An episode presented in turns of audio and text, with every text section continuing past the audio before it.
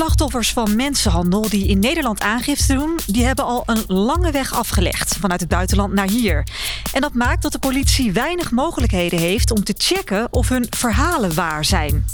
Crime scripting kan helpen om beter te begrijpen hoe mensenhandel in zijn werk gaat. Of verschilt een script toch nog van de praktijk? Dit is de Academie. Politiewerk in perspectief. Met Nina van den Dungen. In deze podcast praat ik met mensen uit de politiepraktijk en met onderzoekers van de Politieacademie. Aanleiding voor deze aflevering is de scriptie van Hendrik van der Veen, waar hij vorig jaar de Politieacademie Scriptieprijs voor kreeg. In zijn onderzoek liet hij het proces achter internationale mensenhandel zien.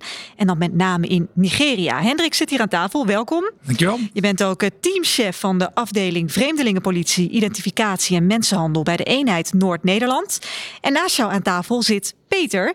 Uit veiligheidsoverwegingen noemen we niet zijn echte naam, maar Peter zeggen we dus wel. Hij is liaison-officier mensenhandel in het buitenland. Hij kan vanuit de praktijk vertellen hoe de politie mensenhandel probeert te stoppen en ook hoe lastig dat is. Peter, ook aan jou welkom. Dankjewel. Uh, waarom is het beter om jouw echte naam niet te noemen, Peter? Uh, kijk, de, de, politie heeft mensen in het buitenland zitten, uh, ook voor de bestrijding van georganiseerde criminaliteit en terrorisme. En op die taakvelden is het niet verstandig om, om namen te noemen dan gaan we dat gewoon niet doen. Dan gaan we het gewoon lekker bij Peter houden.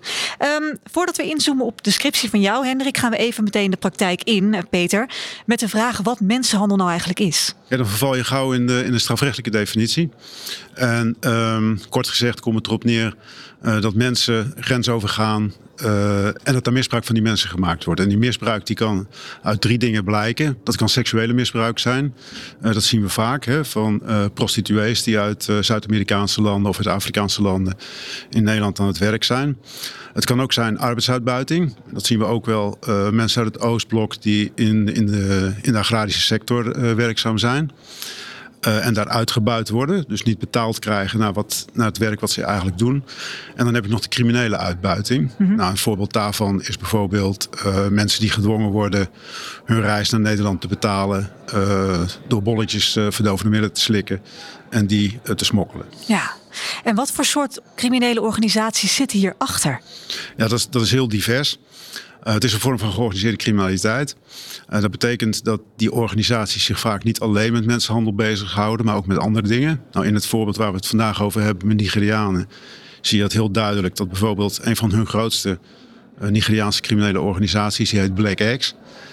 En, en, die organisatie die ontstaan is in Nigeria op de universiteiten, dus over het algemeen heel hooggeschoolde ehm, leden heeft die, uh, die houden zich eigenlijk met het complete spectrum aan uh, georganiseerde criminaliteit bezig. Dus verdovend middelhandel, witwassen en, en, ook mensenhandel. Maar dat zijn hoogopgeleide Nigerianen, zeg je vaak? Voor, voor Nigeriaanse begrippen, uh, de, de organisaties ontstaan op de universiteiten. Dus kent een kern in, in, de, in, de, in de studentenwereld. Ja. Dat is echt iets wat voor, voor ons denk ik heel gek is om te begrijpen. Heel lastig te begrijpen is. Ja, dat je eigenlijk een goede educatie hebt en dat je dan in een criminele bende vervalt. Ja, maar het, het is denk ik ook een beetje oud denken om te veronderstellen dat uh, criminele organisaties alleen maar uit, uh, uit minder opgeleide mensen bestaan. Want het is natuurlijk al lang niet meer zo. En dat zien we in, uh, in heel veel criminele organisaties. Hm. Dat zij of zelf hoog opgeleid zijn, dan wel dat zij gebruik maken van mensen die hoog opgeleid zijn. Ja, omdat er gewoon heel veel geld te verdienen valt. Hè, dat is altijd de drijfveer. Ja. ja. Waarom is mensenhandel zo ingewikkeld voor de politie?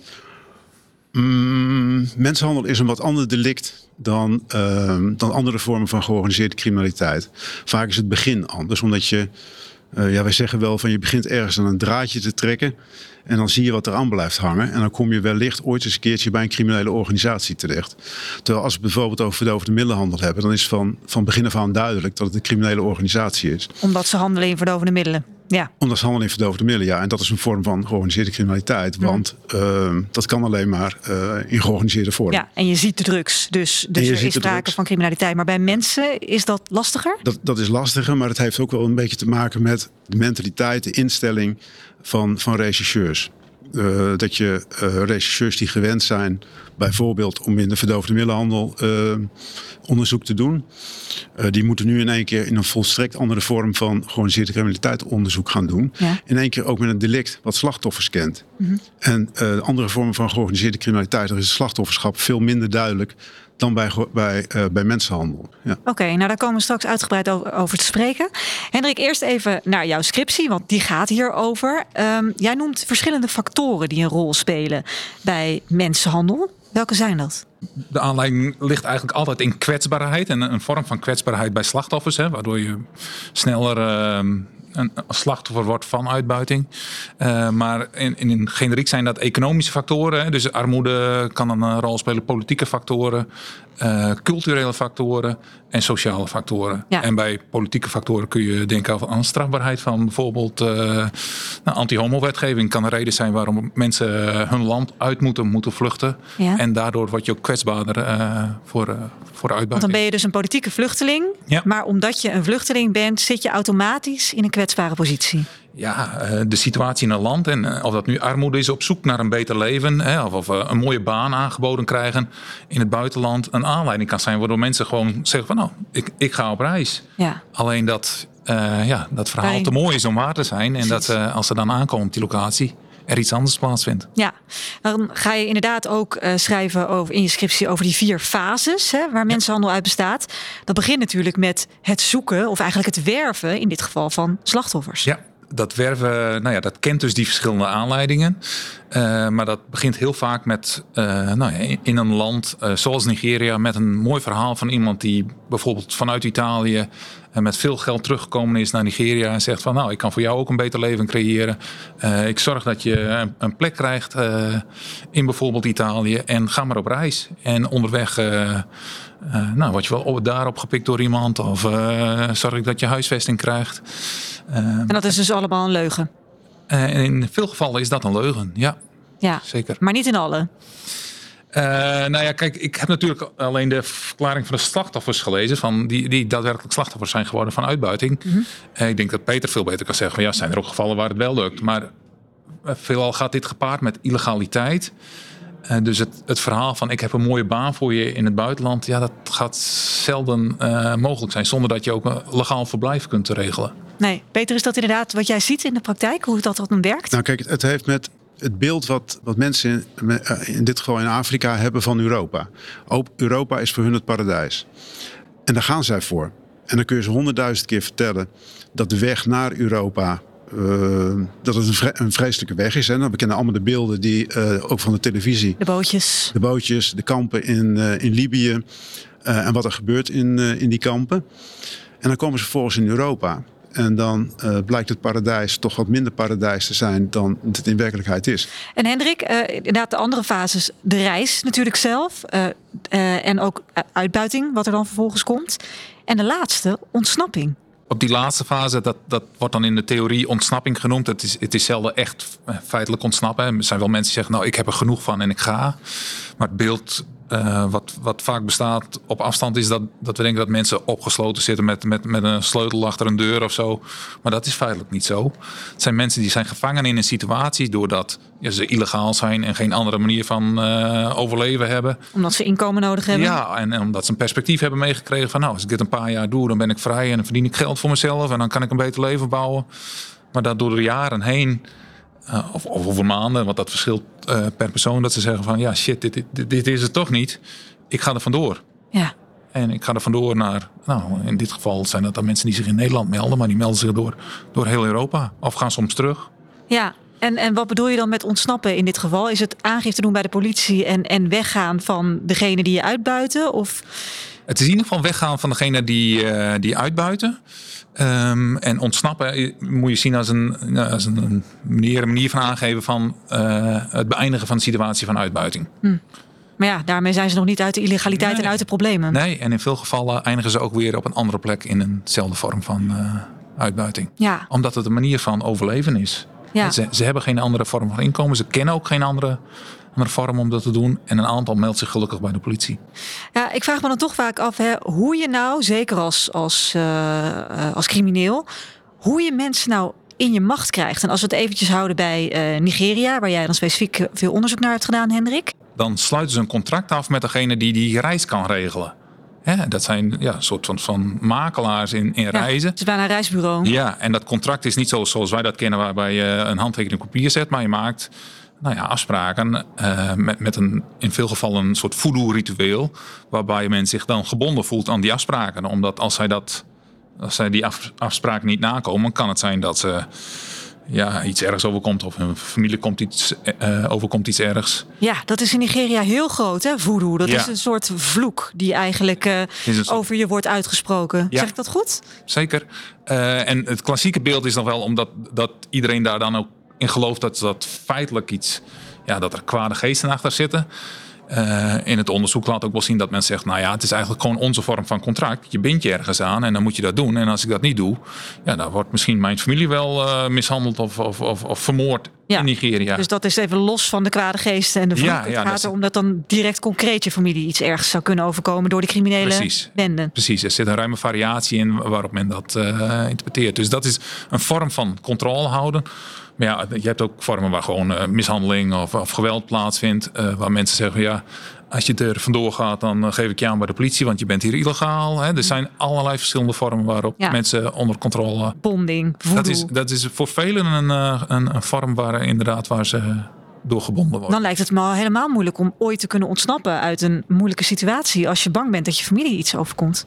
Zeker, ja. Ik denk dat dat, uh, dat het heel ingewikkeld is. Jij concludeert ook in je scriptie aan de ene kant uh, een strijd uh, tussen de politie en aan de andere kant staan juist dan de hulpverleners. De politie zet natuurlijk opsporing in om het, om het fenomeen mensenhandel aan te pakken. Ja, wij willen het fenomeen aanpakken en daarvoor wil je verdachten voor de, nou, bij het OM aandragen en vervolgens voor de rechter brengen. En bij de hulpverlening is het, nou ja, is, is het veel meer van ja, we hebben een slachtoffer en hoe bieden we die nu een bescherming en een toekomst. Uh, en we willen het slachtoffer helpen. We willen het slachtoffer helpen. En wij hebben natuurlijk een hele belangrijke taak in, in de aanpak van mensenhandel om slachtoffers te beschermen. Maar die belangen botsen wel eens bij, met, met elkaar. En met name bij die groep die geen legaal verblijf heeft. Die kunnen een beroep doen op een regeling op, uh, uh, voor verblijf in Nederland als zij aangifte doen. En die aangifte wordt dan beoordeeld op opsporingsindicaties. Kunnen we daar iets mee? Ja. Is het waar? Want is dat het, is, super waar? moeilijk natuurlijk Ja. om te Ja. checken. En je kunt je voorstellen dat als jij onder druk staat van een, een mensenhandelaar, dat jouw verhaal misschien wel niet voor 100% klopt. En dat, is, dat er niet allerlei concrete opsporingsindicaties in zo'n aangifte komen. Omdat ja, ja je, je maakt afwegingen daarin. Hè. Je wilt toch een, aan de ene kant verblijf, maar je wilt ook dat je zelf of je familie veilig blijft. Ja, dat niet dat voodoo eh wordt bewaarheid. Precies. En dan kan het zijn dat deze mensen dus geen eh, beroep kunnen doen op verblijf en beschermingsmaatregelen in Nederland. Terwijl dat Omdat het verhaal niet klopt. Dat nou ja, of niet bewijsbaar is. Hè? Want eh, niet kloppen, dat, dat kunnen wij eigenlijk nooit met zekerheid zeggen. Wij beoordelen op van, ja, zijn er voldoende indicaties om zo'n verhaal te bewijzen. Mhm. Maar dat maakt wel dat slachtoffers dan eigenlijk de bescherming mislopen. Ja. Waar ze eh, nou ja, recht op hebben, waar Ja. ze behoefte aan hebben. Laat dat maar... eh, Ja, maar, maar het, is ook, het is ook heel lucratief voor een, eh, een potentieel slachtoffer. En laten we wel wezen, eh, niet alle eh, mensen die, niet alle migranten die naar Nederland komen, eh, zijn slachtoffer van mensenhandel. Hè? Eh, gelukkig niet. Het meeste, meeste komt via mensensmokkel eh, Nederland in. En, maar het is heel lucratief voor, eh, voor een migrant om een verhaal op te hangen dat die slachtoffer is van mensenhandel. Want dat wordt namelijk beloond met, eh, met een status in, in Nederland.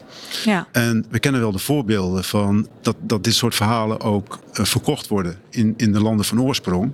En wat bedoel je dan? Verkocht? eh, dat ze dus tegen een geldbedrag krijgen zij een verhaal. En als ze dat verhaal vertellen. Kijk, een voorbeeld. Hè? Ehm, Oeganda. Oeganda staat bekend om, om vervolging van, van homoseksuelen. dan, dan wordt het. En er is ook een grond in Nederland om een status te krijgen. Dan is het heel lucratief om een verhaal te vertellen eh, dat jij homoseksueel bent. En dat je in je land van oorsprong eh, vervolgd wordt. Ja. Terwijl je misschien helemaal niet homoseksueel bent. Nee. Dat, dat, dat kan, hè? Van, eh, en zo, zo kennen we wel de voorbeelden dat dit soort verhalen ehm, aangedragen worden bij mensen. En dan krijg je hetzelfde verhaal, krijg je meerdere keren. En dan verschillen alleen de namen of zo, of de tijdstippen verschillen. En, eh, maar je kunt, niet, je kunt niet zeggen van het verhaal is niet waar. Want gaan we bewijzen dat het Dat het verhaal niet waar is. Ja. Ja. Maar ligt de Dus- bewijslast niet aan de kant van de migrant? Dat zij moeten bewijzen dat het waar is? Nou ja, dat, ehm, nee. Ja, want zij doen, zij doen aangifte. Ja. En ehm, kijk, we kennen wel de voorbeelden. Hè, dat we iets van, van meer dan 100 van dit soort verhalen hebben laten checken. In een van de, een van de tussenlanden waar ze geweest zijn. En, we, en de verhalen zijn dan bewijsbaar, kloppen ze niet. Uh, de, de, straatnamen die ze genoemd hebben kloppen niet. De steden kloppen niet. En met als vervolg uh, dat, ze geen, uh, dat ze die status dus niet krijgen. Nee. Ja, dat is heel problematisch. Want eigenlijk heb je dan misschien wel slachtoffers van mensenhandel. Maar die worden, die worden niet als zodanig herkend. Omdat ze toch met een ander verhaal komen waarvan ze weten Precies. dat het in theorie zou moeten ja. werken om een status ja. te krijgen. Ja. Ja. Ja, en het werkelijke verhaal van die mensenhandel, daar kom je dan heel moeilijk achter. Het uh, hele probleem van de, van de migratiestromen, voor, kijk, het is een probleem voor ons. Hè. Voor, voor de mensen daar is het natuurlijk een kans op een beter leven. Want dat is in, in 99% van de gevallen, denk ik, uh, de drijfveer. En um, die, die komt voort uit de opkomst van de middenklasse in, in Afrika. Ja. Uh, in, in jaren terug had je enorm arme mensen en enorm rijke mensen. En enorm rijke mensen hadden geen reden om naar Europa te trekken. En uh, de heel arme mensen hadden wel wat anders aan hun hoofd. Namelijk, uh, die moesten de dag doorkomen met, uh, met het zoeken naar, naar voedsel. Bij de opkomst van de middenklasse zien we dat die, dat die drang om, om naar Europa gaat opkomt.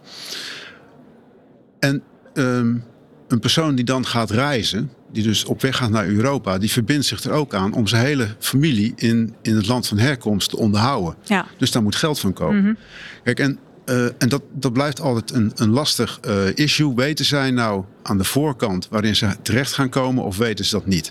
Vaak zijn de verhalen waarmee ze gelokt worden, is dat uh, meisjes in de huishouding, in de kinderverzorging terechtkomen. Ja, maar toch zeker niet maar in de prostitutie. Nee, zeker niet. Nou ja, en en in sommige gevallen denken wij dat ze dat best wel weten, maar dat ze dat ook wel wegduwen. Gewoon uh, niet over nadenken, knop precies, om. Precies. En dan zit het hele systeem ook, ook, zo in elkaar dat het heel lastig is om eraan te ontsnappen. Want het zit namelijk doordrongen in, in, de, in, de, in de cultuur, nou ja, in, in, het, uh, in de situatie waarin zij terechtkomen. Ja. Een voorbeeld van. Uh, we zien dat uh, in die prostitutiewereld wordt gebruik gemaakt van madams. Hè? En madame is dan zeg maar een, degene die de prostitutie regelt. Ja. Zo'n madame is, is bijna altijd zelf een prostituee geweest. En die regelt het nu voor meisjes. Ja. Dat is ook degene die de paspoorten bij zich houdt, het geld int en, en zorgt dat de meisjes niet weglopen. Op het moment dat zo'n meisje dan toch ontsnapt op een of andere manier, zoekt ze vaak haar toevlucht in de kerk. In, in Nigeriaanse kerken, die we met name in Zuid-Europa behoorlijk voorkomen. Alleen wie komt zij weer tegen in de kerk? Dat zijn die madams. Die komen zo, daar ook. Die komen er ook, ja. En dat, en dat stroomt uh, dan weer terug. Dus het is heel moeilijk om, om eruit te komen. Om eruit te komen. Ja. Afgezien van, die, van, die, van het voodoo-ritueel. En ik weet, in het, voor, in het verleden hebben we wel geprobeerd om uh, zo'n voodoo-ritueel te breken. En dat kan dan, hè, van, uh, daar, kun je, daar kun je geestelijke voor gebruiken, een dominee of zo. Om een soort ritueel te creëren waarin je hun ver, verlost van, van, dat voodoo, van die voodoo-ban. Mm -hmm. Uh, alleen die methode is het rechten niet toegestaan. Kijk, voor jullie is dit natuurlijk eh, gesneden koek. Hè? De, de, hoe die mensenhandelwereld in elkaar zit. En dan ook nog die culturele aspecten zoals voodoo erbij. Um, dat vond ik wel interessant in jouw scriptie ook, Hendrik. Dat jij schrijft dat crime scripting hierbij echt helpt. Omdat het, het, het gaat zoveel verder dan wat wij snappen. Hè? Voodoo, dat is niet iets wat in Nederland maar heel normaal is. Um, crime scripting, wat is dat precies? De meest eenvoudige vertaling is denk ik dat het gewoon uh, het, het opknippen van het crimineel proces in verschillende stukken is. Zoals een, een filmscript. Je maakt eigenlijk een filmscript en daar beschrijf je de verschillende stappen in het criminele proces. En je beschrijft de rollen en middelen die je daarvoor nodig hebt. En dat kun je dus op casusniveau doen. Hè. Wat is er in een individuele casus nu van begin tot einde gebeurd.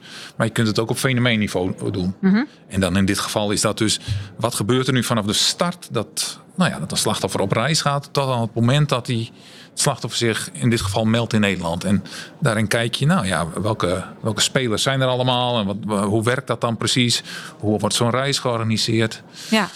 Uh, het is echt een soort handboek bijna voor, voor uh, regisseurs die hiermee aan de slag gaan. Ja. Die elke onderdeel van het proces kunnen checken wat er, wat er eigenlijk bij komt kijken. Ja, ik denk dat het zowel in de opsporingsonderzoeken handig is, maar uh, crime scripting is in de basis ook bedoeld om ook barrières te vormen. Hè? Dus veel meer vanuit een integrale aanpak te kijken van ja, maar wat, wat kun je nou op verschillende elementen doen? Zodat je niet alleen achteraf aan het proces zit om te bewijzen dat iemand slachtoffer is geworden, maar eigenlijk ook om te voorkomen dat mensen slachtoffer worden. Ja, ja. En helpt dit dan ook, zo'n script, om het inderdaad gewoon wat begrijpelijker te maken? Ja, dat is, dat is voor mij een moeilijke vraag om te beantwoorden natuurlijk. Want, uh, Jij hoeft er niet mee te ik werken. Zit, ik zit erin. Nou ja, kijk, uh, wat, wat, wij nu doen in ons uh, team is natuurlijk dat het script wel gebruikt wordt om daar waar je criminele samenwerkingsverbanden op mensenhandel hebt, zegt van nou kunnen we nu identificeren hoe dit in deze casus werkt en welke rollen dan in welke fase zitten. En het mooie van het strafbare artikel mensenhandel is, is dat al die fases ook wel strafbaar gesteld zijn. Hè? Dus het werven, maar ook het vervoeren of huisvesten van slachtoffers tot en met het uitbuiten. Mm -hmm.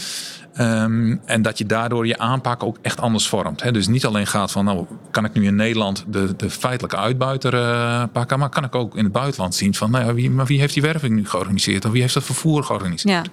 En tegelijkertijd roept dat ook wel een puzzel op, omdat ja, je, je bent niet altijd bevoegd als Nederlandse politie om in het buitenland allerlei acties te doen. En daar hebben we ook uh, nou, bijvoorbeeld de, de samenwerkingsverbanden die iemand als Peter opzet uh, voor nodig. Ja. ja, Peter, denk jij dat crime scripting helpt? Ik denk dat als je het over, over mensenhandel hebt, kijk, de politie is niet de organisatie, uh, het strafrechtelijke proces is niet de organisatie die dit probleem op gaat lossen. wij, wij zijn van de opsporing. Ja. Maar er zitten in, in dat hele proces en dat wat inzichtelijk gemaakt wordt met crime scripting, zitten ook aangrijpingspunten waarin je andere dingen kunt doen dan, uh, dan opsporing. Zoals? Uh, nou, zo, zoals bijvoorbeeld uh, proberen te gaan voorkomen dat mensen gaan reizen. Bij de bron of, eigenlijk aanpakken. Ja, kijk, en de kern, de kern van de organisatie van, dus van die criminele organisatie als bijvoorbeeld Black Axe. Black Axe is echt een grote speler in, in, dit, in dit spel. die ligt in Nigeria. Ja. Dus misschien moet je de Nigeriaanse politie uh, wel gaan helpen om te kijken hoe ze daar die criminele organisatie aan kunnen gaan pakken. En daar komt nog bij, wat, wat heel lastig is, zeker ook naar slachtoffers toe, is het beeld wat slachtoffers hebben van de politie. Kijk, wij, wij kennen allemaal de politie als, als uh, uh, zo, zoals Hendrik er vandaag bij zit in zijn uniform. Ook als een betrouwbaar, hulp, betrouwbaar een hulpverleningsorganisatie uh, met alle kenmerken die de, die de politie heeft. Dat is in, uh, in Nigeria wel anders. Totaal anders, allemaal corrupt. Corruptie, ja. corruptie is enorm. Een van de grootste onderzoeken op Nigeriaanse prostitutie die in Nederland gedraaid heeft. Dat de hoofddader van dat onderzoek, die is nog steeds op vrije voeten. Die, die loopt gewoon rond in Nigeria. En die wordt niet opgepakt omdat hij nou ja, hij, hij, koopt zijn vrijheid. Ja. En, uh, en dat is voor de beeldvorming van slachtoffers naar de politie heel lastig. En daardoor is het voor hun ook heel moeilijk om in het ontsnappingstraject naar de politie te stappen. Ja. Want dat, dat is voor hun eigenlijk een natuurlijke vijand in hun, ja. in hun, uh, in hun cultuur. Dus jij zegt, wat we zouden kunnen doen hè, in de aanpak van mensenhandel... is dat we echt meer gecoördineerd effectief gaan helpen... om te proberen het bij de bron aan te pakken. Die bende ja. in Nigeria zelf. Ja. Je kan natuurlijk ook de routes misschien aanpakken. Daar kun je projecten opzetten. Uh, uh, projecten in, in de hulpverlening, hè, van, uh, maar ook in samenwerking met politieorganisaties daar zo. op de zwakke punten in het proces, die inzichtelijk gemaakt zijn met je crime scripting, daar ingrijpen. Ja, en, proberen de slachtoffers eruit te filteren en, nou ja, bij, en te helpen. Bijvoorbeeld, bijvoorbeeld door te voorkomen dat, dat ze in Libië zo makkelijk aan, aan rubberbootjes kunnen komen om over te varen naar, naar Sicilië. Daar komt nog bij en dat heeft niet zoveel met crime scripting te maken. Maar crime scripting is nu ingezet op, op mensenhandel. Terwijl eigenlijk een organisatie als Black X in het volledige spectrum uh, werkt. Kijk, wij hebben de wereld, het wereldbeeld hebben wij als politie zo georganiseerd dat we in fenomenen denken. Wij denken dus in, in termen van mensenhandel, termen van verdovende middelenhandel, uh, witwassen, uh, nou, noem maar op, hè, van cybercrime of, of weet ik Mhm. veel wat. Dus heel thematisch. Heel thematisch, ja. En dan is het misschien, hebben we wel te weinig wat wij dan noemen vlees aan het bot om een onderzoek te starten op Black X als het gaat over mensenhandel. En we hebben ook te weinig om op verdovende middelenhandel te kijken. En wat bedoel je dan met vlees op de botten? Te weinig Nou ja, mensen? Te weinig onderzoekindicatie om, om een onderzoek te starten. Ah, Terwijl als we uh, het bij elkaar zouden gooien en de informatie die we vanuit het verdovende middelentraject hebben, bij dat van het mensenhandeltraject uh, uh, zouden voegen. heb je veel meer haakjes. Dan hebben we veel meer haakjes en zouden we wellicht wel genoeg hebben om een onderzoek te starten op Black X. Ja. Ja. Uh, wat, wat overigens geen makkelijke onderzoeken zijn, want uh, het, is een, het is een uitermate gesloten cultuur. En wij als Nederlandse politie zijn over het algemeen, hè, en gelukkig zit daar uh, wel wat beweging in, uh, ongeveer van, van de huidskleur uh, zoals wij hier zitten. Nou ga dan maar een operatie draaien in, in een wijk waar voornamelijk, waar voornamelijk Nigerianen wonen. ja, je valt nogal op. We vallen nogal op, ja. En Hendrik, dat crime scripting moet je dus ook continu updaten. Omdat op elk traject waar je misschien een, een project start... Daar gaan criminelen op reageren en die gaan nu routes verleggen en die gaan andere manieren zoeken. Dus dan ben je continu bezig om, om ook dat script bij te werken. Ja, ja, het is eigenlijk waardeloos als je dat een tijd laat liggen. Want het is niet meer actueel. Hè? Die wereld verandert constant door al die, nou ja, al dan niet samenhangende interventies die overal gepleegd worden. Ja. En die maken dat er, dat, dat, dat er dynamiek in zit. Dus Ja. eigenlijk moet je dat, ja, wat ik in het onderzoek live scripting hè, eh, noem, steeds bij gaan houden om in te spelen op die bewegingen die er ontstaan. Want uiteindelijk is het gewoon een economisch model waar men kansen in ziet. Om, eh, om geld te verdienen. En als de ene route dicht gaat, ja, dan zoeken ze een andere er route. andere. Ja, We hebben van Peter al gehoord hoe hij denkt, onder andere, dat je mensenhandel toch meer effectief zou kunnen aanpakken. Zowel bij de bron als, als op de routes. Heb jij daar nog aanvullingen op? Nou, ik, ik sluit me daar wel bij aan. Ik denk dat je moet zoeken naar eh, interventies op alle fases van het script. En dan ook steeds afwegen, ja, is dat nou een politieactiviteit of moet je gewoon echt in die samenwerking met partners en partijen daar, daar gewoon op zoek gaan. Wat, hoe doen we dat nu? En eh, doe dat vanuit het, het gezamenlijke beeld en probeer dat steeds bij te houden. Peter, er is nog één vraag die in mijn hoofd rondcirkelt. Je had het ehm, eh, over ehm, mannen die zich voordoen als homoseksueel... in de hoop dat ze een verblijfsstatus krijgen. Die dat verhaal ophangen. Maar die eigenlijk wellicht eh, ook slachtoffer zijn van mensenhandel... maar dat verhaal niet vertellen. Hoe herken je die echte slachtoffers dan uiteindelijk? Ja, dat is heel moeilijk, dat is heel moeilijk om die te herkennen. En eh, eh, zolang je geen vertrouwensrelatie met, met het slachtoffer hebt en zij niet het echte verhaal aan jou gaan vertellen, eh, blijft, blijft dat heel problematisch. En, en dat, dat, voor die reden hebben we ook gespecialiseerde rechercheurs die in gesprek gaan met, met deze slachtoffers. En, en het begint altijd met het opbouwen van die vertrouwensband. En dat is een hele lastige, omdat die beeldvorming die zij hebben van, van de politie zo anders is.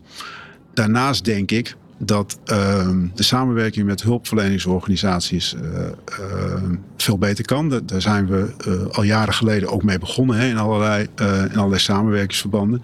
Maar hulpverleningsorganisaties als bijvoorbeeld UNICEF of, of nou ja, andere VN-organisaties, die, ehm, die hebben een heel andere band met zo'n slachtoffer.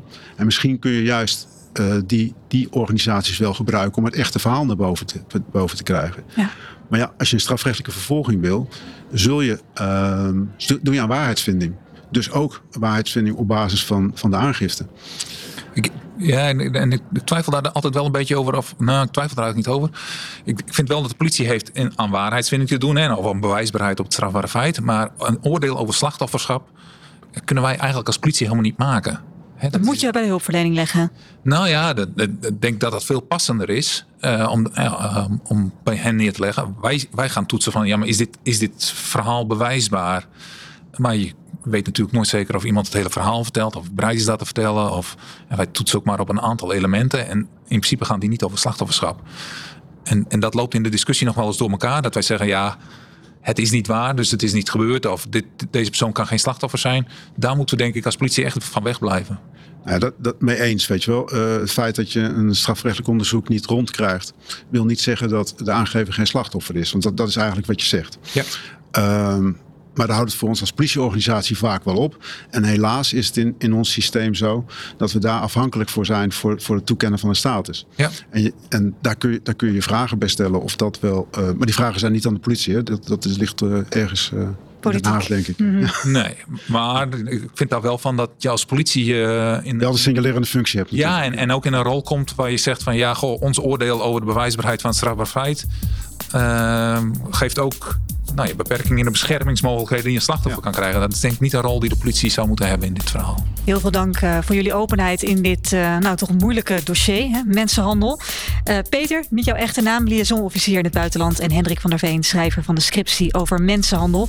Wil je meer weten over dit thema? Dan kan je kijken in de show notes die bij deze podcast staan, de Academie. We zijn er elke eerste maandag van de maand. Vond je dit nou een boeiende aflevering? Deel hem alsjeblieft met je collega's, je vrienden, je familie. Zodat zoveel mogelijk mensen hem ook gaan luisteren.